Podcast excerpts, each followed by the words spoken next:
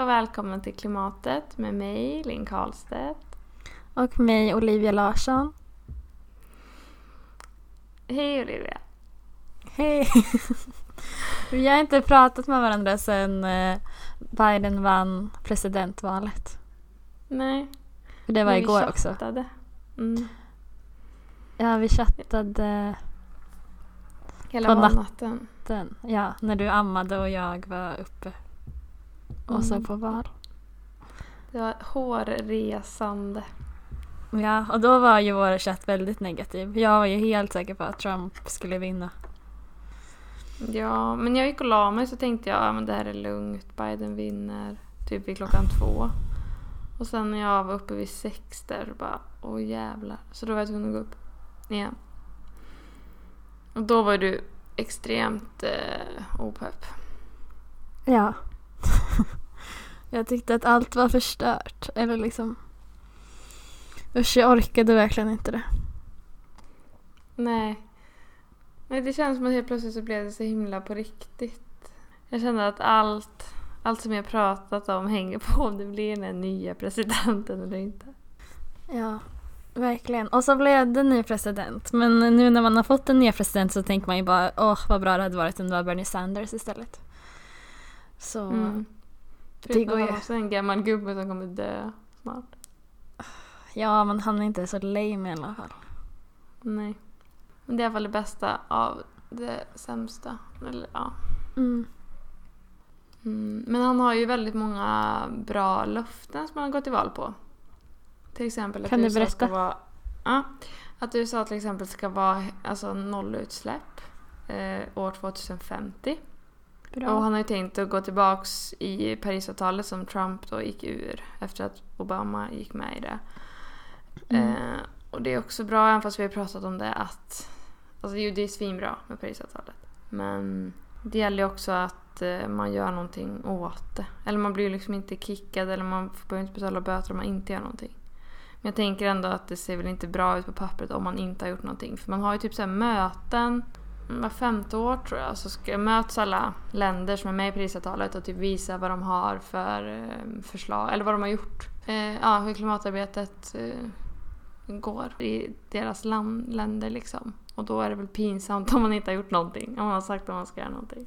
Ja, i alla fall om man är Joe Biden. Trump skulle säkert bara tycka att det var nice. Jo, så. Att stå upp mot etablissemanget.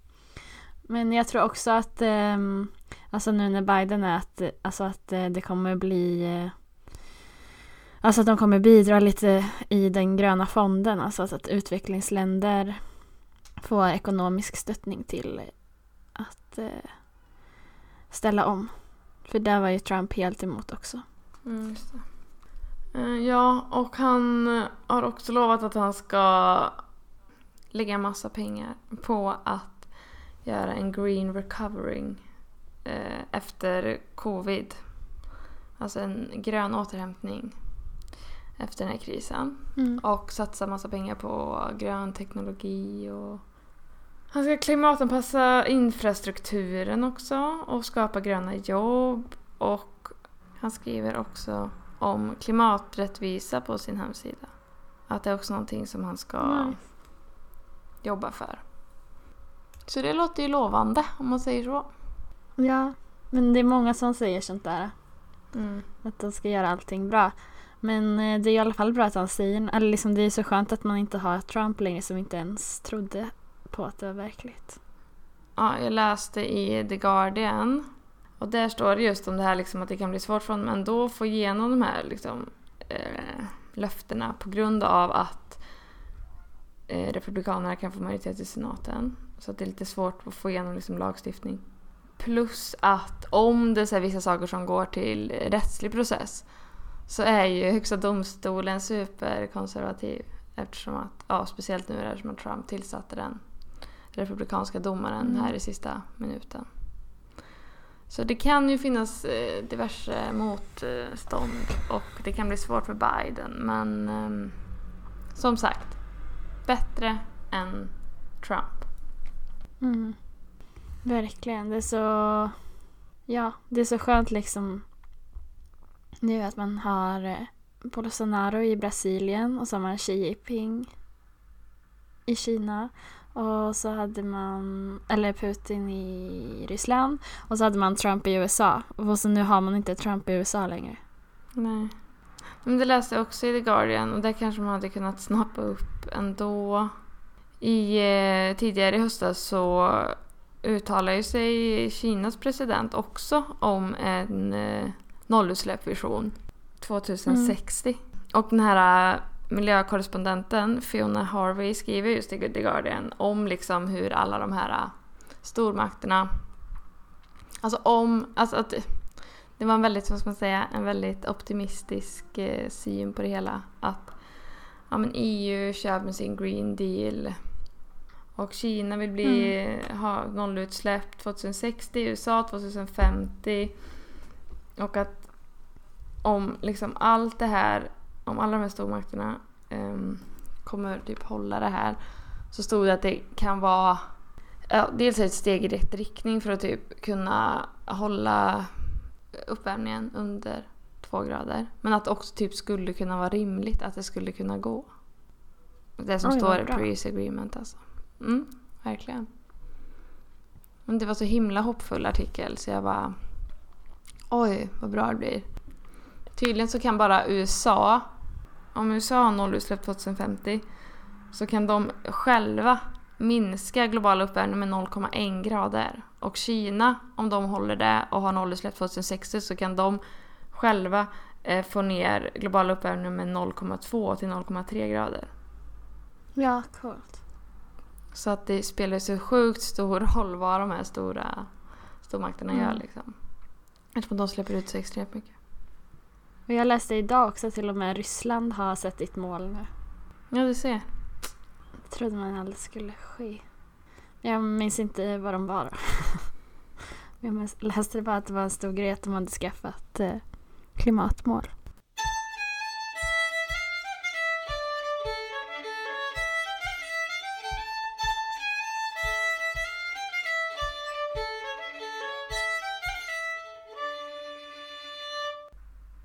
Alltså det är så skönt att Trump är över. Bara den känslan jag har. Eh, för att det liksom kändes så himla deppigt när liksom... Alltså man kan tänka sig ah, okej, okay, diktaturer har klimatförnekare som presidenter. Det kan man inte göra så mycket åt liksom. Folket får liksom betala ett så otroligt högt pris där för att eh, få bort en diktator liksom och då kändes det bara som att USA kan väl verkligen i alla fall inte rösta, alltså de är ju ett demokratiskt land, då kan de väl i alla fall rösta bort sin klimatförnekare. Mm. Och det kändes bara så skönt att de gjorde det. Men samtidigt så blir man också så här stressad att Alltså man såg vad han gjorde och ändå var det så jämnt liksom. Alltså det var så nära att han vann. Och liksom Biden han har fått mest röster eh, vad någon annan president någonsin har fått. Men Trump har ju fått liksom näst mest röster. Mm. Vad någon president eller kandidat någonsin har fått. Alltså det är så sjukt många människor som är nöjda med vad han har åstadkommit. Eh, och vill ge honom mm. förtroende. Mm. Och det är också deppigt. Och så mm. får det ju en att känna, alltså vad är det för fel på USA? Även fast Trump har varit en sån klimatförnekare så har ju ändå inte han lyckats riktigt eh, med den politiken som han kanske ville. För att jag läste i, eller SVTs klimatkorrespondent Erika Bjärström, hon skrev igår en liten sammanfattning typ så här att under Trumps tid så har ändå kolindustrin minskat med 44 procent och att det idag eh, produceras mer el på förnyelsebar. För att sol och eh, vind är så mycket billigare. Och även fast han försökte upphäva massa så miljölagar så kommer de troligtvis kunna återställas ganska snabbt. För att eh, dels så var det jättemånga som inte han fick igenom för de var typ så luddigt utformade. Ja, bra. Så det är ändå bra att det kan gå snabbt. Typ att det ska bli utsläppskrav på amerikansk kolkraft och sådär. Så man kan verkligen hoppas att det, att det kommer hålla i sig. För jag Biden sa också det på en partiledardebatt typ att han ska sluta ge pengar till fossilindustrin. Mm. Ja, om vi går tillbaka till det där som du sa först. Då kommer jag tänka på att det pratade ju Thomas Kåberger om också när han var gäst hos oss. Att han... Eh, att även om eh, Trump hade sagt att han skulle ge kolarbetare liksom jobb så menade Thomas Kåberger att alltså, utvecklingen av, fossil, nej, av förnyelsebar energi går så snabbt och priserna blir så mycket lägre att liksom marknaden vinner. Eller att marknaden låter liksom förnyelsebar energi vinna. Eh, och att det var liksom ett exempel på hur man kunde se att, att marknaden... Är bra. Ja. Men jag kommer också ihåg att när vi pratade om med det här eh, i ett annat avsnitt. Det avsnittet som heter eh, någonting med teknik. Mm. Eh, kan räddad vi av rädd- Blir tekniken. räddade av teknik? Mm. Ja. Dock så tror jag att vi inte sa det här i själva avsnittet utan när vi pratade med honom efteråt. Att vi liksom tog upp det här och han sa att han dock trodde att, att mycket av att kolindustrin i USA hade gått ner var att frackingen hade gått upp så mycket. Mm. Och fracking är ju eh, jätte, jätte, jätte dåligt. Eh, så att det liksom kan låta bra men det är svårt egentligen att veta hur bra det är. Alltså den där siffran att kolet har gått ner så mycket. Det är inte bara för att sol och vind har gått upp så mycket utan det är också att fracking har gått upp. Ja. Just det. Det lät lite Eh, för bra men- för att vara sant. Ja, men eh, det är ju också, alltså det är ju jättekul att, att kolindustrin har gått ner fast att Trump lovade att den skulle liksom gå upp och Mm. eh, höll på med sina klimatförnekelsegrejer och sånt. Haha, alla som inte fick sina gruvjobb tillbaks. Nej, nu vet jag att du, alltså att jag får sån här ångest när, man säger, när du säger sånt. Men jag menar det var kul för honom att han inte kunde hålla det löftet. Yes. Det var därför så många röstade på Och på tal om det, om att få ångest. Det var när jag frågade dig om, om jag ens får typ tycka att um, USA-valet är viktigt. Alltså extremt ängsligt. Som att jag inte skulle få tycka det. Ehm, för att det är viktigare för så många att, presi- att Trump försvinner än för mig. Men så blev jag så här, men får man inte tycka synd om andra? Eller du vad jag menar? Alltså, eh, får man inte det längre? Jo, det tror jag. Men speciellt alltså vi bryr oss ju jättemycket om klimatet eller det är ju typ det vi bryr oss mest om. Alltså den frågan vi bryr oss om klimatet det påverkas ju mycket mer av USA-valet än eh, valet i Sverige liksom. Mm, exakt. Men eh, jag kunde snabbt motivera varför jag också får tycka att det är jobbigt. Eftersom jag inte har ett barn. Och så bara, det handlar om hennes framtid. Så bara, fast hon bor här. Men ändå, jag är rädd för krig också. Ehm, men i alla fall, för då läste jag den här eh, på SVT igår. Hon som klimatkorrespondenten på SVT skrev, som jag pratade om förut. Hon skrev där att eh, hur stor klimatpåverkan USA har liksom globalt. Mm. Och så skrev hon då att ett fåtal USA-röster har makten att påverka om den kenyanska lantbrukaren i framtiden ska kunna skörda, om fiskaren i Vietnam ska slippa havsnivåhöjningar och om Skånes sandstränder ska svepas bort. Då kände jag så här, ja det säger ganska mycket om hur Sverige påverkas av klimatförändringar. Ja, det är faktiskt kul. jag läste också det men jag tänkte inte på att det var så kul då. Mm. Mm. Det var så här, de bara, jag måste hitta någonting så här i närområdet som, som känns. Mm. Att din eh, dotter i framtiden inte kommer kunna åka på solsemester till Österlen. Ja, exakt. Vi kan ju alltid referera tillbaks till avsnittet för ja, när läkaren var hos oss att eh, det kommer ju faktiskt kunna bli mer fästingar här. Så att det är väldigt tur att USA ny president. Ja. ja, men fästingar kan också döda. Klimatförändringarna tar våra liv. Vare sig i både Kenya eller Skåne. Ja.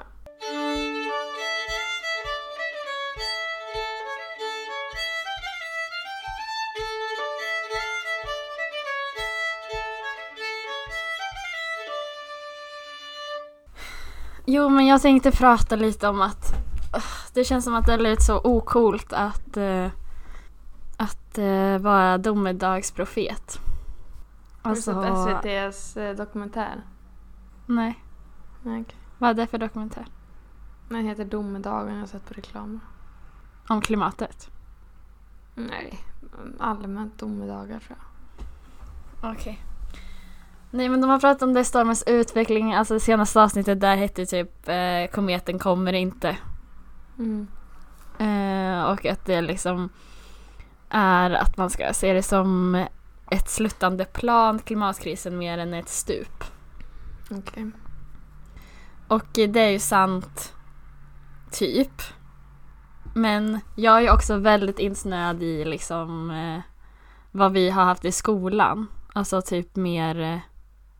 Tipping points. Ja, tipping alltså mer eh, natur, alltså mer inte människor. Alltså jag fattar ändå hans resonemang liksom att det kanske mer ett, är liksom ett stup om eh, det kommer en komet eller om det blir tredje världskrig. Alltså mer människor dör direkt och sånt där. Men, men det fick mig ändå liksom hans avsnitt att jag ville prata om alltså att domedagen kommer. För att jag eh, Ja men alltså att jag tänkte att det här är ju absolut ett stup. Eh, om man ser det mer från liksom ett geologiskt perspektiv eller vad man vill kalla det.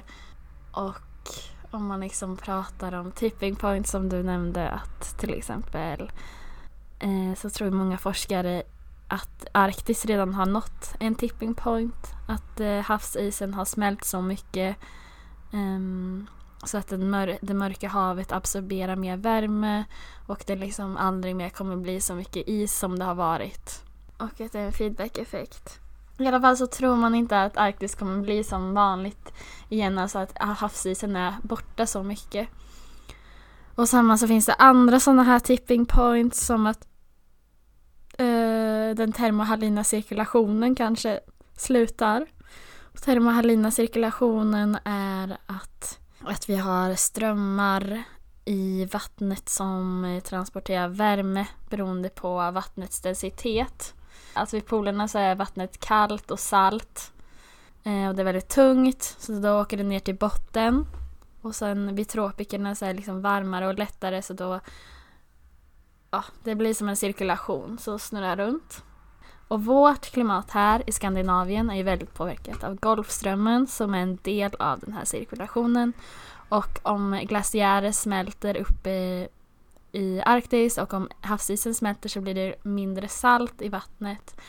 Vattnet blir lättare, den här cirkulationen blir långsammare, svagare och det kanske inte blir någon Golfström längre.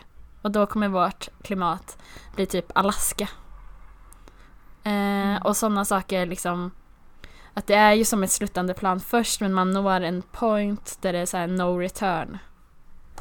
Eh, mm. Och därför blir det typ som ett stup. Eh, och detsamma gäller med liksom Västantarktis. Att eh, isen, havsisen och, och glaciärerna där liksom kollapsar, att de smälter så mycket att de inte liksom kan byggas upp igen. Så därför så är det ju liksom domedagen som kommer ske för att det här kommer påverka liksom klimatsystemet så mycket och påverka människor så mycket. Men för att sätta det i perspektiv så vill jag berätta om den största domedagen som har varit på jorden hittills. Mm. Och jag ska, det jag säger nu har jag läst i en bok. I en bok som heter Falter Has the Human Game Begun to Play Itself Out av Bill McKibben. Och jag hade tänkt att jag skulle läsa hela boken inför det här avsnittet men jag har bara läst hundra sidor. Men jag har läst om eh, konsekvenserna av klimatförändringen. Så att den är väldigt negativ bok och väldigt domedagsaktig. Um, väldigt intressant. Mm. Och då eh, så är det så att det värsta som hittills har hänt på jorden det, om man ser till att man vill bevara liv liksom. Då var det i slutet av den geologiska tidsepoken Perm. Då var det största massutdöendet som vi någonsin har haft på jorden. Och det var 253 miljoner år sedan. Och det som hände då var att 90 procent av alla marina arter dog ut. Eh, och haven blev försurade med 0,7 pH units över 10 000 år. Och det är jättemycket. Eh, och eh, typ allting dog ut. Det var jättenära att vi inte skulle ha något liv efteråt för att ja, det blev liksom massutdöenden och sånt. Och det som hände då var att det var vulkanutbrott i Sibirien. Alltså massa vulkaner som, eh, som gjorde att det blev floder med lava och sånt. Jättehemskt verkar det ha varit. Tur att man inte människor fanns då. Och de här vulkanerna de producerade massa koldioxid eh, och då blir det ju varmare. Men det var inte det som var det sjuka, eller inte därför det blev ett massutdöende. Utan det var för att all den här lavan den sätter liksom eld eller förbrände jätte, jättestora områden med lagrad kol och olja och eh, naturgas. Så under den här tiden så skedde liksom ungefär samma sak som hände nu fast med en annan orsak. Alltså nu är det ju vi som förbränner kol och olja och gas. Men då var det vulkanerna som gjorde att det skedde.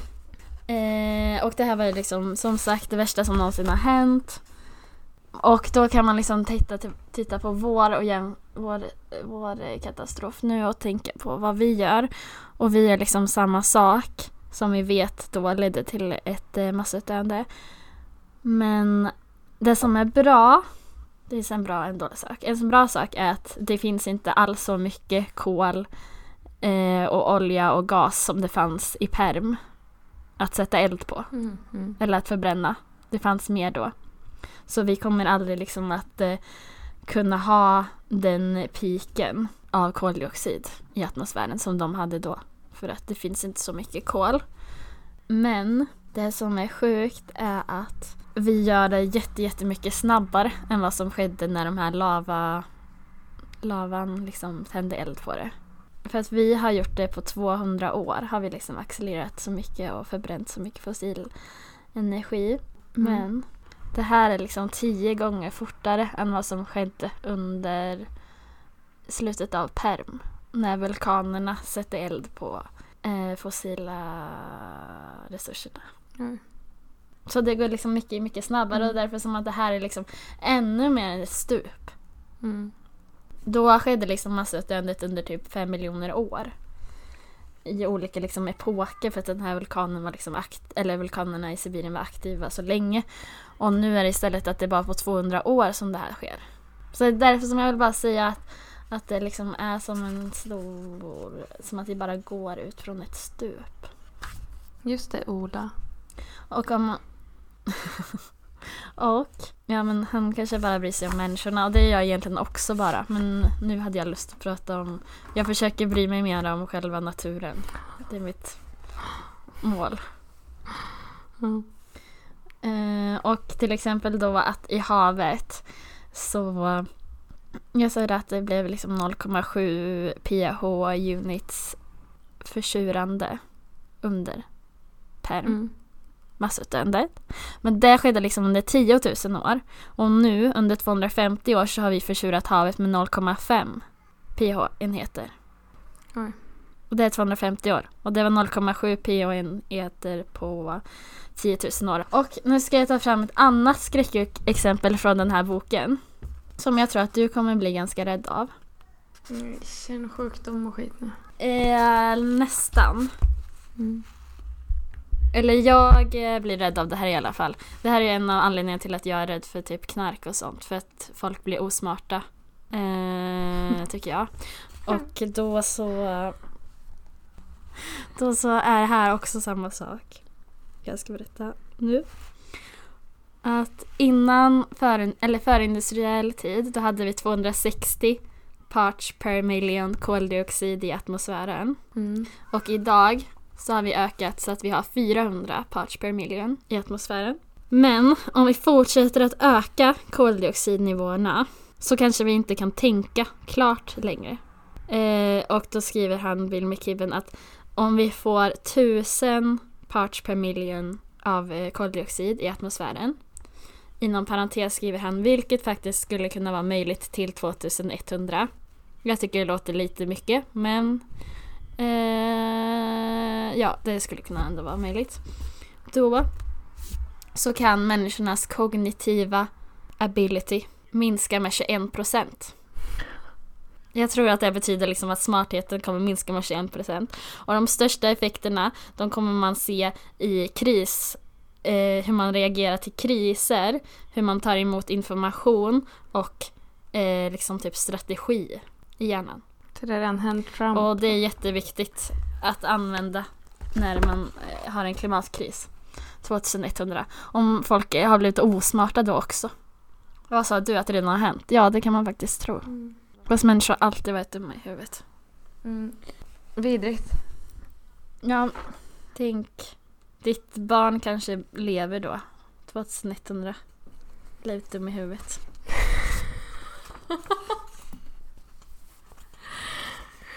Mm.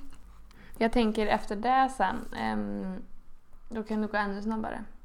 Det är en jävla tipping point. När hela befolkningen blir dum i huvudet. Ja, det är verkligen sant.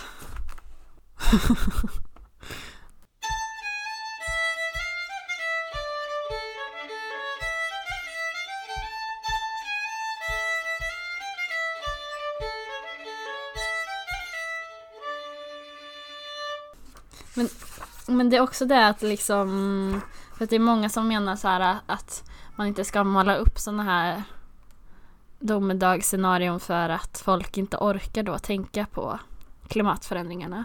Ja men det pratade vi om i ett annat avsnitt också ju. För att folk typ ska orka engagera sig så måste de ändå ha något hopp eller vad det var. Det var antagligen vi pratade med psykologen. Ja, men jag tycker ändå det verkar konstigt för jag har ju inget hopp. Men jag är ändå väldigt engagerad. Har du inget hopp? Nej. För att jag tycker, tänker också om jag tänker på mina här positiva människor i min omgivning. Som jag ändå har berättat för i flera år att det är en klimatkollaps och de tror mig och de är jättemedvetna om det men eh, Alltså de orkar eller de blir ju fortfarande typ glada och stolta om de har köpt ekologiska trosor. Ligger det på story? Så, det, så jag menar, det känns, alltså jag menar inte att det var något dåligt. Nej. Eller om man har ätit vegansk en dag. Jag menar bara att så här positiva personer, de, om de vet att det är en klimatkollaps, då fortsätter de ändå att äta vegetariskt och ins nej, inspirera med vegansk mat. Mm. Alltså det orkar inte jag längre. Nej. Har du börjat äta kött? Nej, men jag har ju börjat äta fisk så. Jag tänker på hon läkaren som intervjuade, hon vet ju verkligen vad som händer i klimatförändringar. Alltså, men hon var ju ändå väldigt positiv. Eller hon hade ju en positiv aura. Mm, Och det är därför jag känner att alltså, de verkar inte heller påverkas negativt av alltså, att man vet vad som händer. Eller vad som kan ske. Men i och för sig kommer jag på nu att de pratar mycket om att det här alltså att man säger nej till allting. Att det kanske inte ger så mycket hopp. Alltså om man är en sån som bara Nej, vi kan inte bygga ut vindkraftverk för att det förstör eh, för de här myrorna typ. Ja. Eller om man vill bevara allting för att man känner så. Men är det typ så här alltså att du... Ah, nu är jag förvirrad vad jag pratar om. Vill du mer så här du vill, du vill mer bara förmildra eh, konsekvenserna av krisen Ja. som kommer att komma oavsett vad vi gör? Mm. Vad har du för mål? Mm, att så få människor som möjligt ska dö. Mm. Och att det ska bli så lite krig som möjligt. För att eh, när det blir liksom... Alltså folk kommer ju liksom pressas ihop. Det kommer bli höga liksom, vattennivåer. Folk kan liksom inte bo i New York längre i framtiden och där bor det massa folk. Mm. Och det kommer bli för varmt för att bo på vissa ställen. Så man kommer liksom pressa ihop folk och då blir det ju krig. Väldigt klagande. Eh,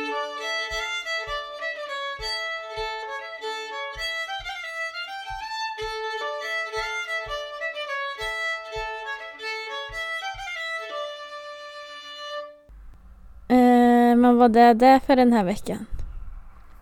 Det var det. Vi hade, jag kom på nu att vi fick ett lyssnarförslag om vad vi skulle prata om. Mhm. Hur man pratar med straighta killar om kärlek och klimatet. Vårat specialområde. Det kan ju du, du har ju en pojkvän så du kan väl Du kan prata om det i nästa avsnitt kanske. Ja, okej. Jag ska försöka prata om det till nästa gång. Eh, och se om jag kan komma med några heta tips. Ja, nästa avsnitt kommer jag prata om det rafflande intressanta med vindkraftverk. Oh. Vindkraftverken i Sunne eller? Nej, Eller Slämtevik? i Norge. Mm. Eh, jag tänkte att jag skulle prata om det sjätte massutdöendet eftersom jag tänkte läsa en bok om det så länge. Men nu kände jag att nu har du pratat om det idag så nu behöver jag inte läsa den boken. Det var ju skönt. Nej, du kan prata om det för mitt mål är att bry mig mer om naturen. Mm. Det är därför jag ska prata om vindkraft för jag för alla här älskar ju naturen så mycket och hatar vindkraft. Och jag försöker relatera. Men det är ju svårt för mig. Men eh, för att vindkraft förstör naturen rent visuellt. Ja, man måste bygga vägar och ta ner betong i marken och så krävs det massa material, för att bygga dem. Men nu kan vi inte spoila för mycket för det ska bli intressant nästa veckas avsnitt. Ja. ehm, Eller nästa Ja. vecka, vem försöker jag lura? Det här kommer väl ut varannan månad eller? ja. Men vi säger så. Bra. Hej då.